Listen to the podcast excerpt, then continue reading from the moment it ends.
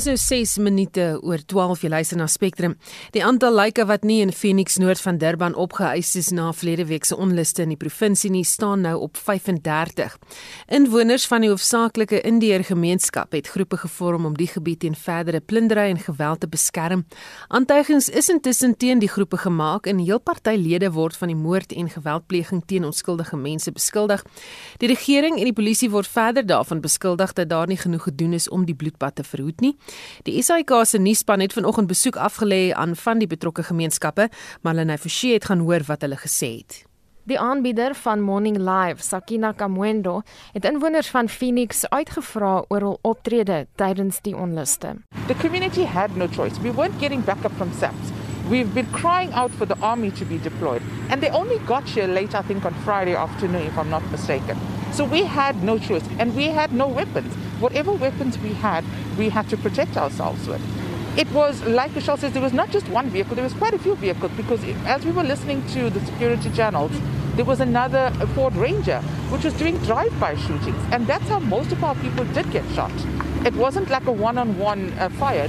Yes, quite right. The people of Phoenix have protected themselves, have protected their families, because if you see a mob running towards you, chanting and inciting that we're coming to steal, we're coming to loot, we're coming to kill you guys, and we're coming to burn your houses, I think any individual in any community would react in the manner that we did. Tog is daar diegene wat aan ons verslaggewer Jadley Paulse gesê het, hulle was onskuldige slagoffers van die geweld. Actually, my husband at the moment is in hospital. His car got burnt in Phoenix while he was going to fill up uh, petrol. They took him out of his car, they beat him, broke his arm and left leg.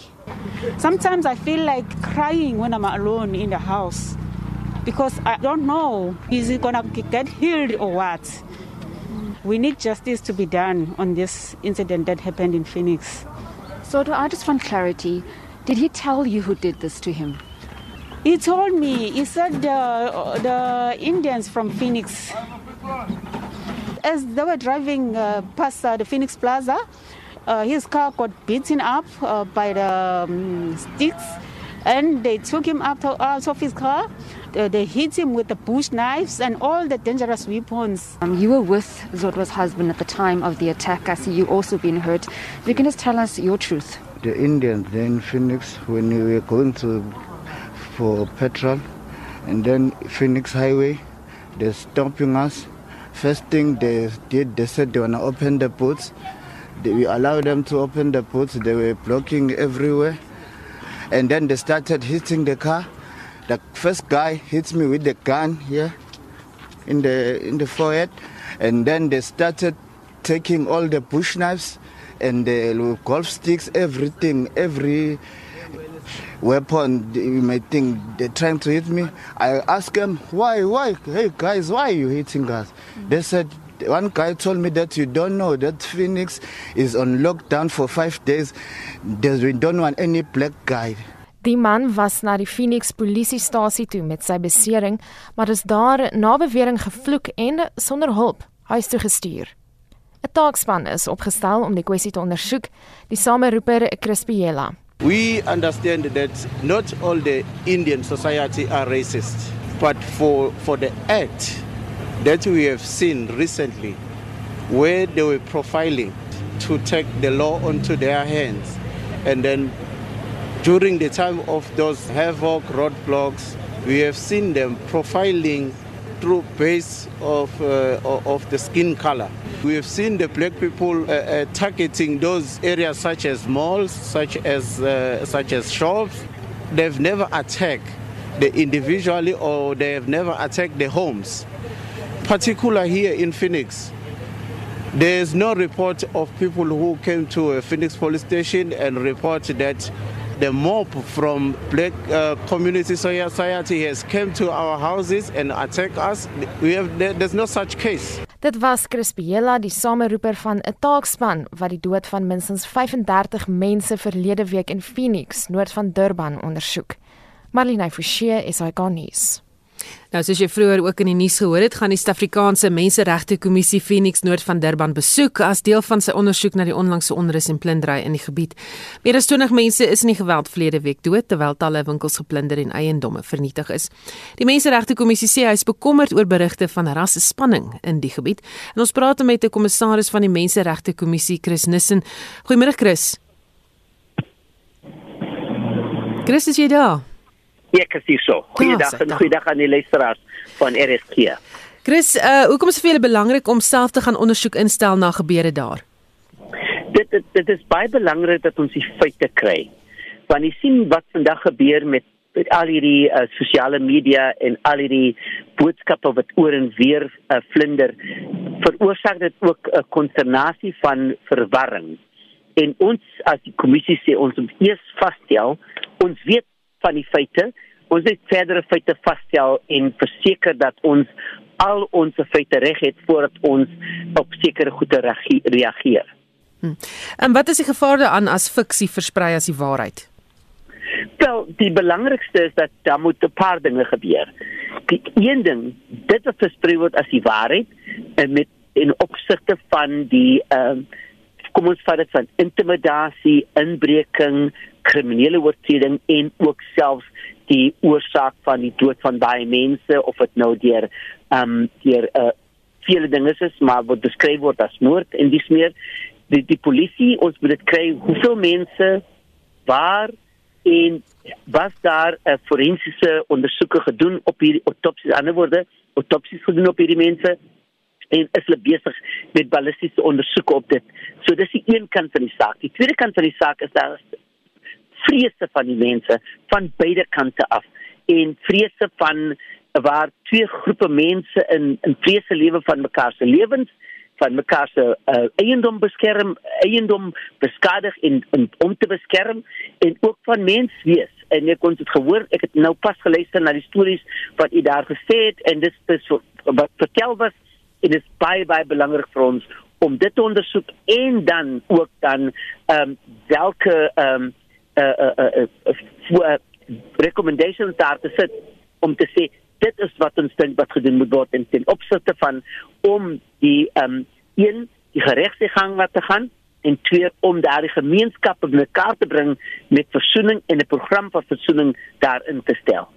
Wat voorsien jy is die moontlike gevare of uitvloeisels uh, van gebeure daar as daar nie versoening bewerkstellig word nie? Ongelukkig het die KwaZulu-Natal oor die jare heen, net so Suid-Afrika. Ek dink hulle is verskillend nie, maar besonder in daardie geval waar daardie twee groepe oor die jare heen ehm um, of ons dink aan Ketomene of 1985 waar daar daai spanning is en daai spanning het baie keer gelei tot wat ons nou gesien het wat gebeur het. So ons weet nou nie of dit ehm um, dat daai spanning is en of dit net gewone 'n uh, eh, 'n uh, eh, misdadigers is en of gewone protesaksie wat gelei het tot die volgende nie. Maar ons sal werklik moet kyk na die geskiedenis van daardie omgewing en te sê wat moet ons doen om te help om daardie um, de, uh, om die raamwerk van daar te skep sodat mense kan saamleef. En dit het gebeur nie is dit nie net vir hulle nie maar ook vir ons Suid-Afrika die grootste probleem want dan gaan mense dan net voortgaan om mekaar te sien deur die oë van daardie nie versoeningsomstandighede en dit kan dalk lei na meer geweld. Hm. Chris, so hierdie is uh, eintlik 'n historiese probleem. Absoluut. Dis 'n historiese probleem en ek dink nie net vir vir vir KwaZulu-Natal nie, maar in besonder daarso die historiese probleem en ons moet kyk na hoe ons 'n program van eh, van versoening nie net versoening nie, maar ook van geregtigheid kan instel om te sê hoe maak ons as die kommissie met die ander rolspelers en ons het ook um, ons ook in kontak met die premier van KwaZulu-Natal wat ook daar gestel het 'n sosiale uh uh, uh same samevoeging of social cohesion om te verseker dat ons almal saamwerk en nie in silos werk nie, ons almal werk saam om daardie sosiale social cohesion bymekaar te stel. Baie dankie. Dit was uh, die kommissaris van die Menseregte Kommissie, Chris Nissen. Die waarnemende minister van gesondheid, Mamaloko Kubai Ngubane, het tydens 'n virtuele konferensie gesê die hoeveelheid nuwe COVID-19 gevalle wat aangemeld word, is stadig besig om af te plat. Gister is 14858 nuwe gevalle aangemeld teenoor 16214 gevalle die vorige dag. Is dit 'n klerk het meer besonderhede? Minister Kubayi Ngubani sê daar word ook minder COVID-19 gevalle in Gauteng aangemeld wat die brandpunt was in die derde golf van die pandemie in die land. Although the 4988 new cases are still quite high, it is a significant drop from the provincial peak which went as high as over 16,000 cases per day. Drop in numbers does not mean that we should lower our guard in the fight against this pandemic. Just because the numbers are coming down does not mean the virus has stopped spreading, does not mean that the Delta variant, which is spreading and it is still just as lethal, stopped spreading. Sy sê die afname in COVID-19 gevalle moet mense aanmoedig om hulle optrede om die verspreiding van die virus te bekamp te verskerp. Sy sê alles dui daarop dat Suid-Afrika die kruin van die derde golf oorgesteek het maar sy waarsku dat die plundertogte in KwaZulu-Natal en Gauteng moontlik COVID-19 gevalle kan laat toeneem. So we'll continue to watch the situation closely and that we need to be able to ensure that we screen in these communities, we test in these communities. Firstly, appeal to those who are in those gatherings to actually try and ensure that they present themselves to the nearest health facility should they feel that they have symptoms? Because I worry that some of them are likely to stay away because in the contact tracing people are expected to give indications that this is where I have been. And people because of fearing of being arrested are likely to stay away and not go and test. Sy sê heelwat mense wat aan hegtenis geneem is en na tronke geneem is vir aanhouding het reeds positief getoets. And we're comforted that there is actually an isolation mechanism or quarantine mechanism that has been put in place by correctional services, not allow for those who arrive at correctional services to infect those who have been inside. And that is an indication, one of the indication that shows us that we need to be concerned about those who have been in the protest. Kubayin Gubani sê meer as 6 miljoen mense is reeds ingeënt. Sy sê dit is 'n mylpaal vir die regering, maar in terme van die land se bevolking besef hulle dit is net 'n druppel in die emmer. The rate of vaccination per day rising to 250,000 per day. Oh, yesterday we dropped, but we are confident that we will see our target being reached, which is 300,000 per day in terms of vaccination in the coming week. Die departement van gesondheid het in samewerking met die Solidariteitsfonds 'n ooreenkoms bereik dat daar voortaan massa-inentingspunte in alle groot metro's in die land sal wees. Die registrasieproses van mense 35 jaar en ouer het goed afgeskop en die groep het ook reeds fliks begin om na inentingspunte te stroom. Om die rede is protokol by inentingspunte nou ingestel om voorkeur te gee aan mense ouer as 60 jaar. We would want to ensure that the 60 plus population, which majority of them are the frail senior citizens, do not arrive at a site and have to queue long hours in order for them to get their vaccination. So, part of what we have done now, we've developed protocols to ensure that the walk ins in the sites are more clearer, and this was approved by the Interministerial Committee yesterday. Professor Glenda Gray van die Mediese Navorsingsraad het gesê die enigste manier hoe die pandemie beheer kan word is deur ingeënt te word. Everybody does need to be vaccinated, not just 20% or 30%, but everybody. Already, 26.8% of the world's population has received at least one dose of the COVID 19 vaccine. This accounts to about 3.71 billion doses. So there's a lot of information about the safety of these vaccines, given the fact that so many people in the world have received this vaccine. Grace sê skaars neeweffekte van die enstof is aangemeld. We know that both vaccines, the Pfizer vaccine and the J&J vaccine, prevent hospitalization, prevent ICU and prevent death. So we estimate that for in the over 65 year olds in women, there may be 8 to 10 cases of Guillain-Barré syndrome, but at the same time the vaccination will prevent 5,000 900 hospitalizations, 1,250 ICU admissions, and 840 deaths. In men, the Guillain-Barré syndrome may cause seven to eight for every million vaccines given. You may get seven to eight Guillain-Barré syndromes in people over 65. However, the vaccine will prevent, for every million doses given, 11,800 hospitalizations, 3,300 ICU admissions, and 2,300 deaths. Sy sê ernstige langtermyn neeweffekte na die toediening van enige van die COVID-19-enstowwe is hoogs onwaarskynlik. And we know that vaccine monitoring has shown that side effects generally happen within the first six weeks after receiving a vaccine dose, and so unlikely to happen after six weeks. We know that millions of people have received COVID 19 vaccines, and no long term side effects have been detected. And globally, we will continue to monitor the safety of COVID 19 vaccines, and in locally, um, all these side effects are being monitored by SOPRA, and the, the manufacturers have to submit a risk management plan to the regulatory authorities to ensure the ongoing vigilance, pharmacovigilance of the vaccines. Die nasionale koronavirus bevelsraad vergader weer op Sondag. Ek is Estie de Klerk vir SAK nuus.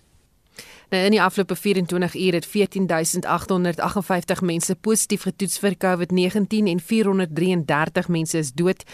Dit wil nou voorkom of die land die piek van die derde golf bereik het. Medisyne is egter nog bekommerd oor KwaZulu-Natal waar die infeksiekoers styg.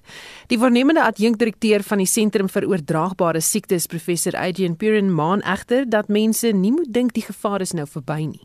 I think my sense is that we have reached the, the, the peak. I think for the majority of the, the, the provinces, in particular Gauteng, if you look at Limpopo, um, Mpumalanga as well, and Northwest. I think there's there's really good evidence for that, as well as when you look at provinces such as the Northern Cape and Free State.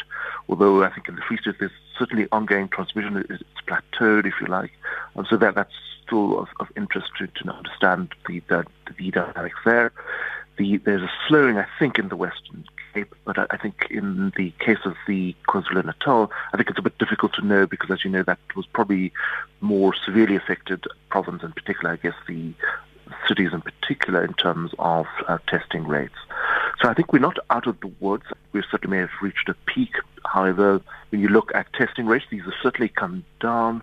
And again, I think is at least for KwaZulu-Natal that may be, a, be problematic. Buren sê die probleem in KwaZulu-Natal is dat die ware toedrag van sake nie in die statistiek weerspieël word nie as gevolg van verlede week se gewelddadige betogings. I know that you know the actual events in and of themselves to understand whether that could be seen as some sort of super spreader events I think is difficult um, because we're not doing any testing and tracing to really to understand whether that is the possibility although the the conditions certainly would contribute to to that. Of course, under those circumstances, there may well also be uh, community spread from those types of events. And of course, if people have not gone for testing because they've been deterred or um, felt that they were unsafe, and of course, if the laboratories were not ready enough in terms of access to reagents, so, so those are all factors that would contribute to what we are currently are seeing. And so we may then see some inflection points later on, maybe this week or next week, if that is the case. Volgens hom is medisyne boonop in 'n resies teen tyd gewikkel om agter te kom hoekom daar soveel meer mense sterf. I think ongoing studies I think between the different organizations including the National Department of Health to really understand these deaths and, and to reach some consensus what those deaths reflect. So again as I pointed out, you know, if people are not presenting for care and treatment, we may well be missing um, those types of cases. um, which is really un- unfortunate. But there are efforts, at least, um, to understand what are the community deaths.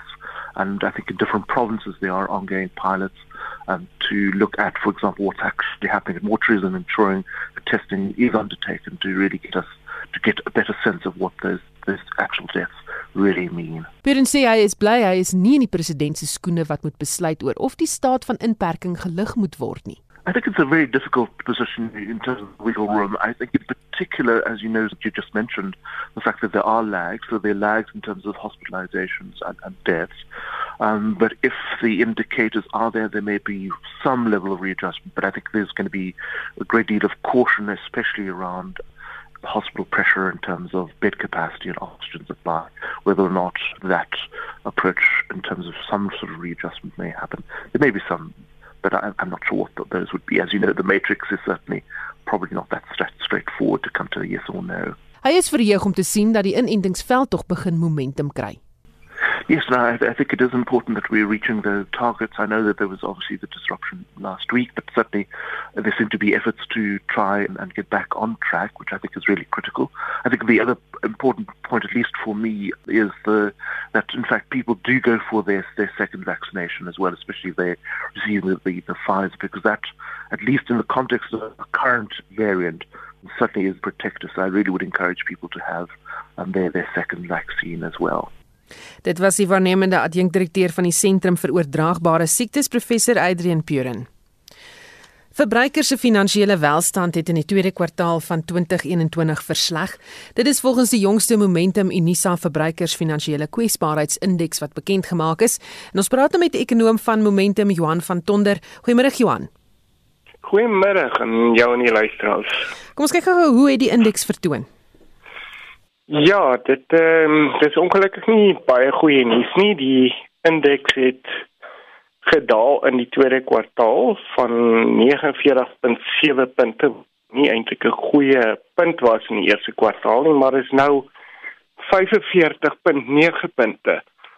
So ons is ver onder die vlak van 50 en dit beteken dat verbruikers baie meer kwesbaar is nou as wat hulle was in die eerste kwartaal wat self nie goed was nie.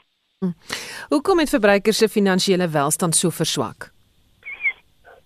Ek dink dit begin by die inkomste, die hulle vermoë om 'n inkomste te verdien het uh verswak as gevolg van uh die feit dat daar baie minder werk geskep word. En dan in die tweede plek is die die sogenaamde verligtings as ek dit so kan stel uh, die verligtings toelaat wat uh, geëindig het die 350 rand 'n maand toelaat en dit het verskriklik baie verbruikers meer as 7 miljoen verbruikers geraak. En dit het dan nou oorgespoel na byvoorbeeld op besteding hulle kon minder bestee hulle kon nie meer spaar soos wat hulle sou wou nie hulle skuld terugbetaal nie dit het 'n hele kettingreaksie veroorsaak die, ehm, die feit dat die inkomste so erg geraak was in die tweede kwartaal Is daar 'n spesifieke ouderdomsgroep wat hierdeur geraak word? Ek spog Is daar 'n spesifieke ouderdomsgroep wat hierdeur geraak word? Ja, dit is ongelukkig. Dis die 18 tot 39 jariges is weer die hardste getref. Dis so dieselfde groep wat sukkel om werk te kry. So die uh, die hele kettingreaksie wat veroorsaak word van bo reg is besig om uit te kring eers was dit 18 tot 25 dis nou tot 39 so al meer ouderdomsgroepe word nou geraak En uiteindelik, uh, jy weet, waar stuur hierdie af as mens nou kyk uit in ekonomiese terme want mense sukkel om te spaar, hulle spandeer minder, hulle kan nie hulle skulddiens nie. Ja, dit is uh, dit is bietjie moeilik wat uh, gebeur op hierdie stadium. Ehm um, jy know, ons moet selfs onthou dat hierdie tweede kwartaal syfers is ek gebeur nog voor die onluste en voordat die vlak 4 nog verder uitgebrei vlak 4 inperking. So ons kan verwag dat dit uh, nog moeiliker gaan gaan in die derde kwartaal.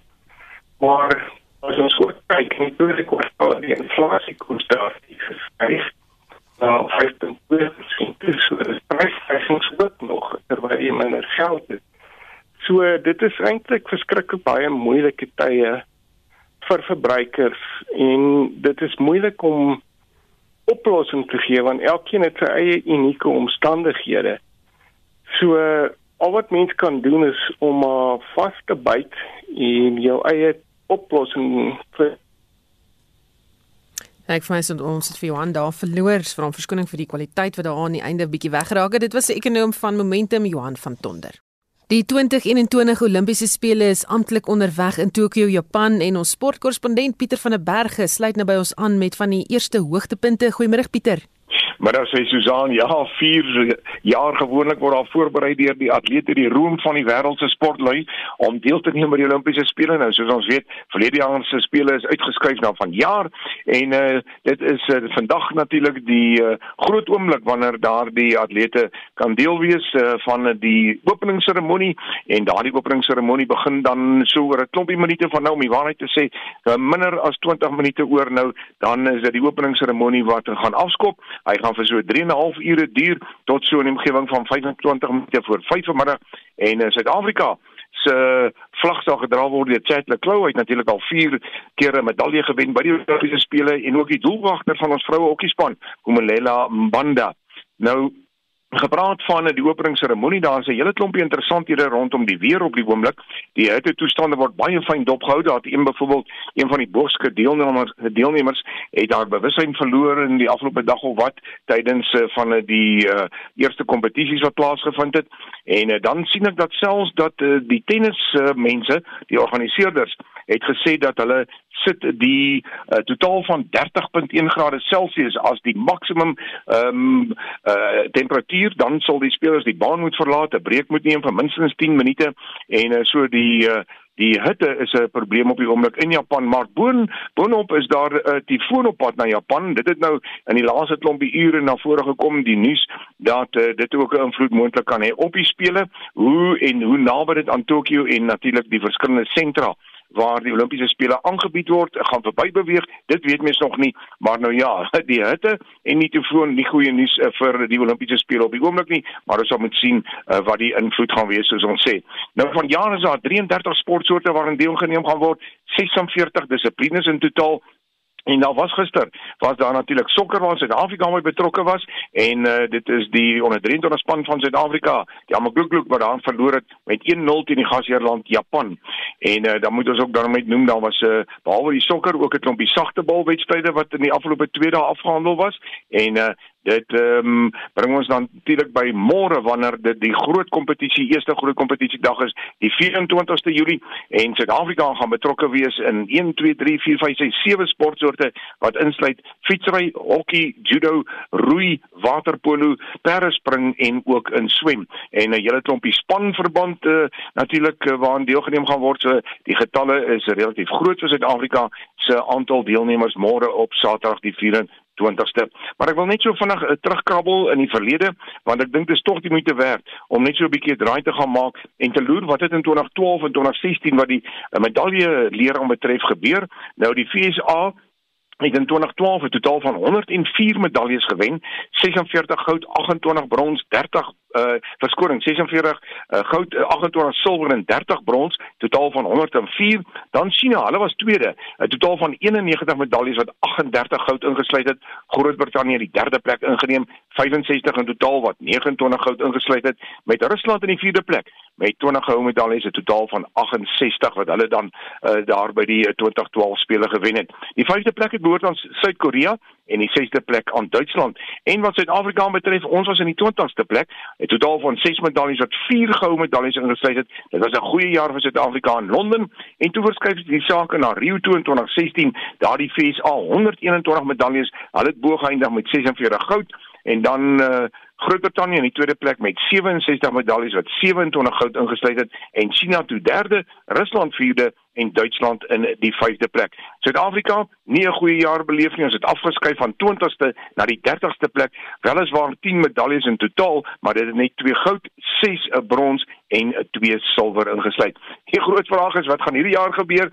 Ons gaan ons oë natuurlik die hele tyd op die spele hou tot en met die 8ste. Dis nou ons RSG luisteraars wat op hoogte eh, gebring gaan word uh, regdeur tot met 8 Augustus en uh, Susan, dis eers die nuus. Ons gesels weer 'n bietjie later in 360 en natuurlik soos ons sê die openingsseremonie nou net so uh, 15 minute, 16 minute weg en uh, ja, kom ons uh, vertrou dat dit 'n groot gaan wees vir Tokio en die organiseerders van vanjaar se spele. daarmee terug na jou ateljee.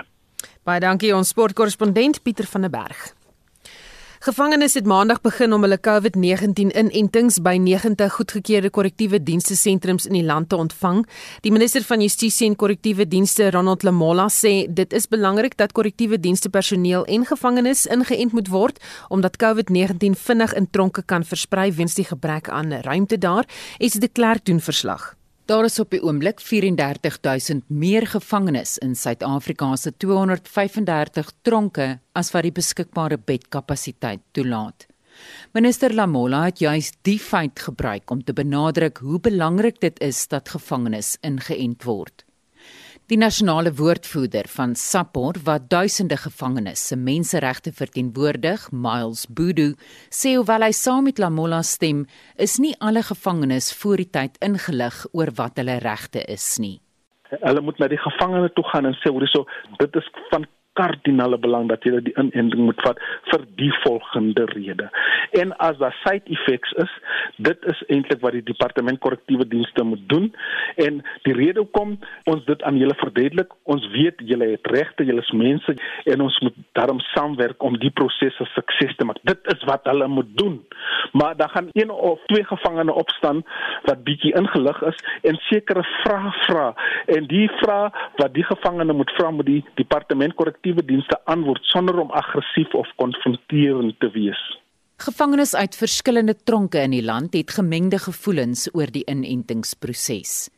Die gevangene het hom sterk uitgespreek teen die entstof. If I depart from this world because of having refused to vaccinate, it shall have been God's will and the African ancestors to have permitted it to happen. But where I am at this time and point, I am not going to accept vaccination.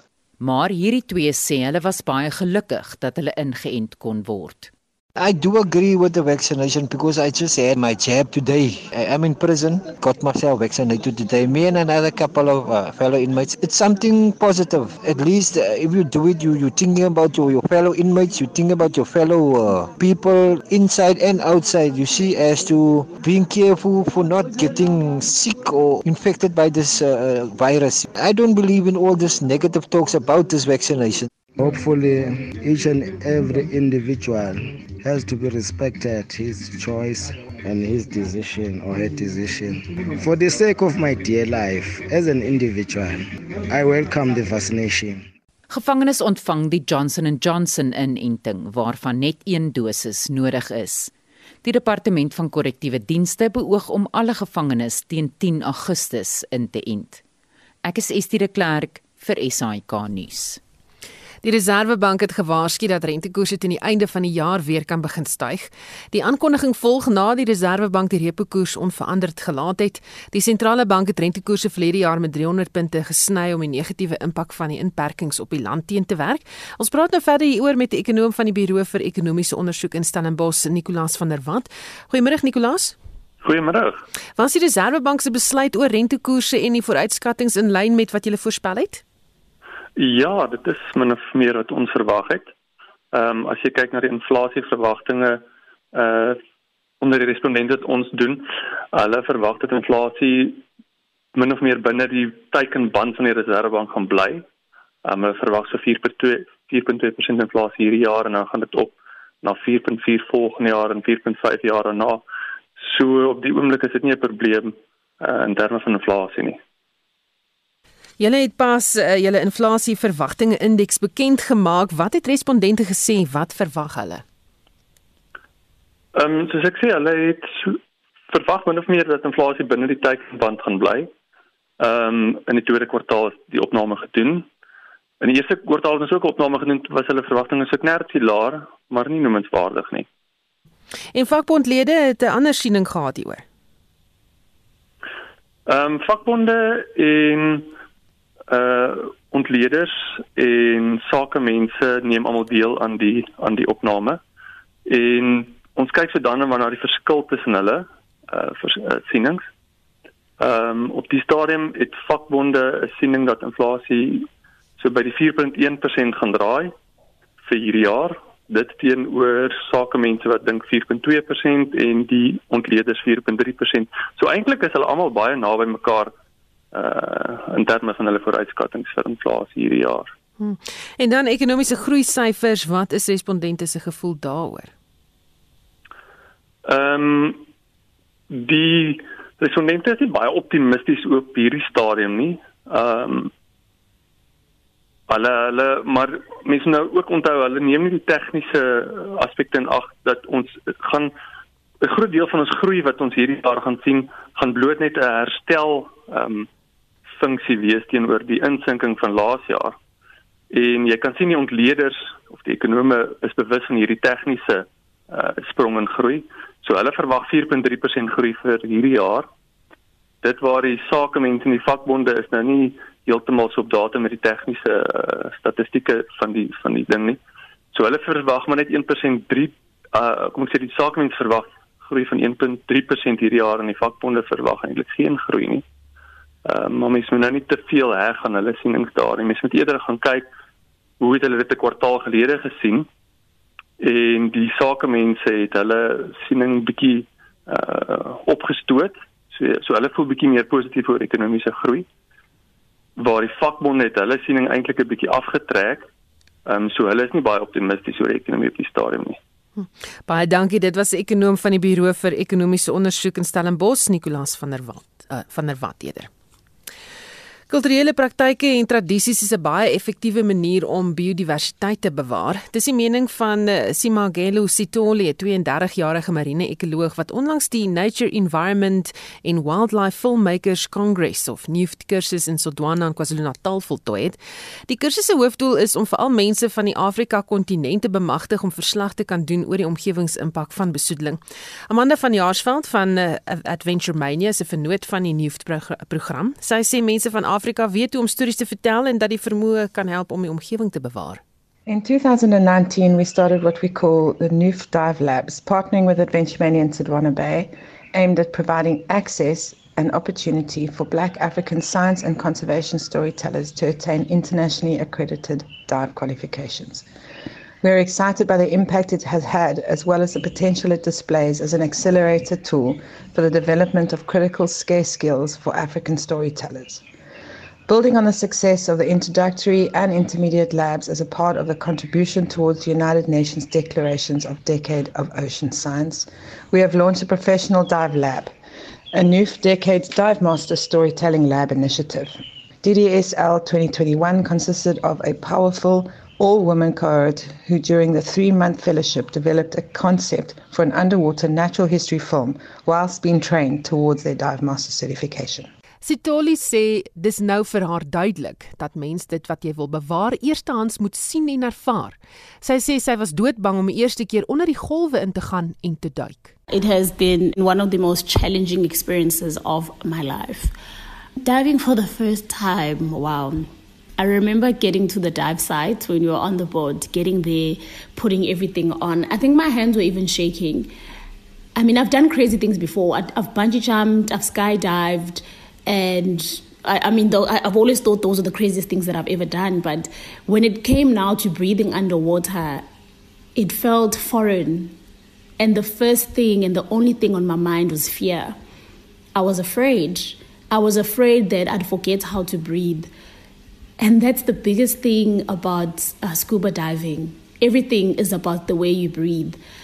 And I just realized how much of the basic and simple things that we do when we're on land and going about our lives that we take for granted. Sitoli sê die grootste probleem is dat mense nie iets wil oppas wat hulle nog nie gesien het nie en daarom is die program baie belangrik vir bewaring. For as long as I can remember, I've always been a person who loved engaging and enjoying the natural environment as we see it. But the ocean space has always seemed inaccessible to me. I hardly saw people who looked like me owning that space and being comfortable in that space. So I found myself being conflicted every time I go to schools or write reports or do research that advocates for the protection of marine environments, but I've never seen what is found in these marine environments. Monira Sallis is 'n filmvervaardiger van Kaapstad en sê mense leer op skool hoe belangrik die oseaan is vir ons voortbestaan, maar nou dat sy dit self gesien en ervaar het deur te duik, kan sy die konsep beter aan mense verduidelik deur middel van storievertelling op film.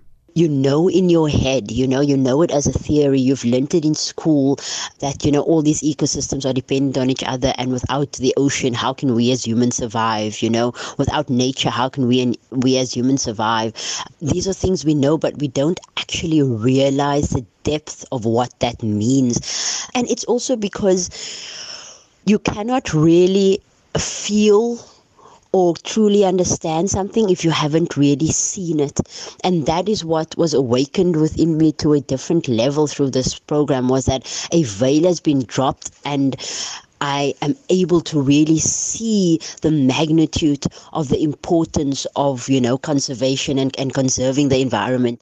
Sally sê dit is hoogtyd dat vroue hulle plek begin vol staan om die omgewing te bewaar. The wildlife underwater cinematography field is very much a niche market and it's very much a closed off market to a lot of of women to a lot of women of color and it is always something I wanted to be in you know I mean for me to see what is under the ocean which is like a veil that is being dropped and you're exposed to this whole other dimension is something so amazing and so special and I very much recognize that that is a privilege within itself. Nancy Iraba is 'n marinebioloog van Tansanië en sy sê in die land is net die idee om te duik nie baie gewild nie. It was a program that was everything I could ever dream of to advance my career as a marine scientist and I come from a country which is Tanzania, where this field remains largely unpopular.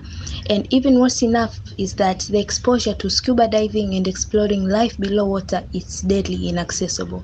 Iraba sê die mensdom moet alles in sy vermoë doen om die planeet te bewaar, want nou verstaan sy waaroor dit eintlik gaan.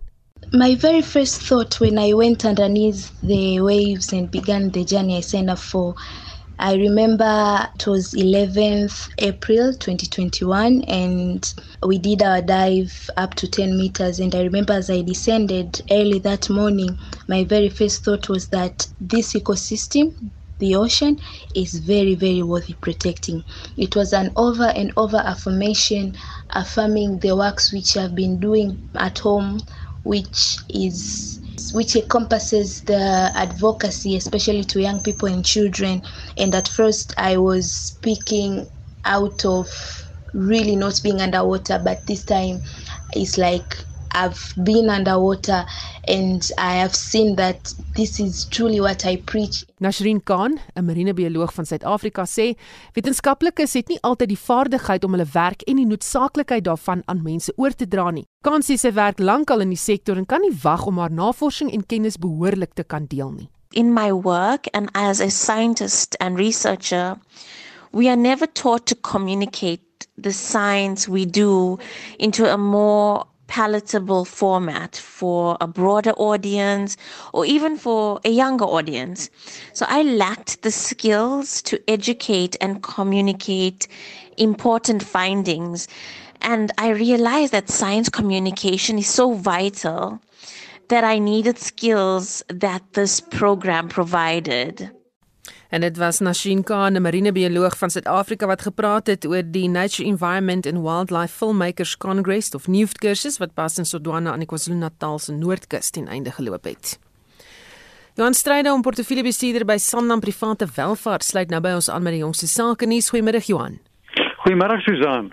Ja, uh goeiedag op die plaaslike aandelemark. Uh, die die is hier verhandel stewiger met omtrent 1.1%. Ehm um, op 'n indeksvlak van 68151 punte. As ons kyk na die onderliggende indekse, sien ons dat die hulpbronne uh, gee die toon aan met 'n stygings van 1,8%.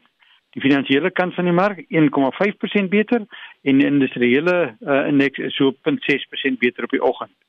Enkele aandele wat die oog gevang het aan die positiewe kant, ons sien ehm uh, uh, Pepkor is 2.9% beter. Uh, Anglo American verhandel 2.5% hoër en Investec is 2.3% hoër vanoggend. Aan die negatiewe kant sien ons Telkom is uh bykans 8% laer na die nuus dat sy bestuurende direkteur gaan uittreë. Uh die mark uh, het uh, negatief daarop gereageer en dan Astral is 1,5% laer en nasionale pers is so 0.8% laer uh, op die rug van Tencent wat in in China of in, in Hong Kong daar verhandel. As ons kyk na die effekte mark, ons sien die 10 jaar effek verhandel op 9.36%.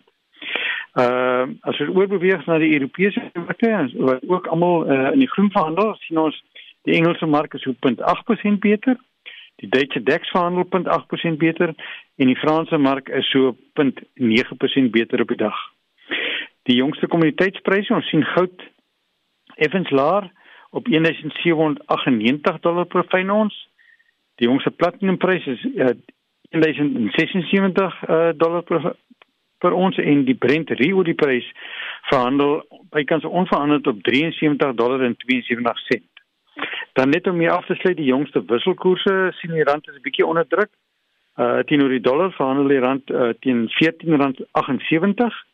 Uh teenoor die pond R20.29 en teenoor die euro R17.39.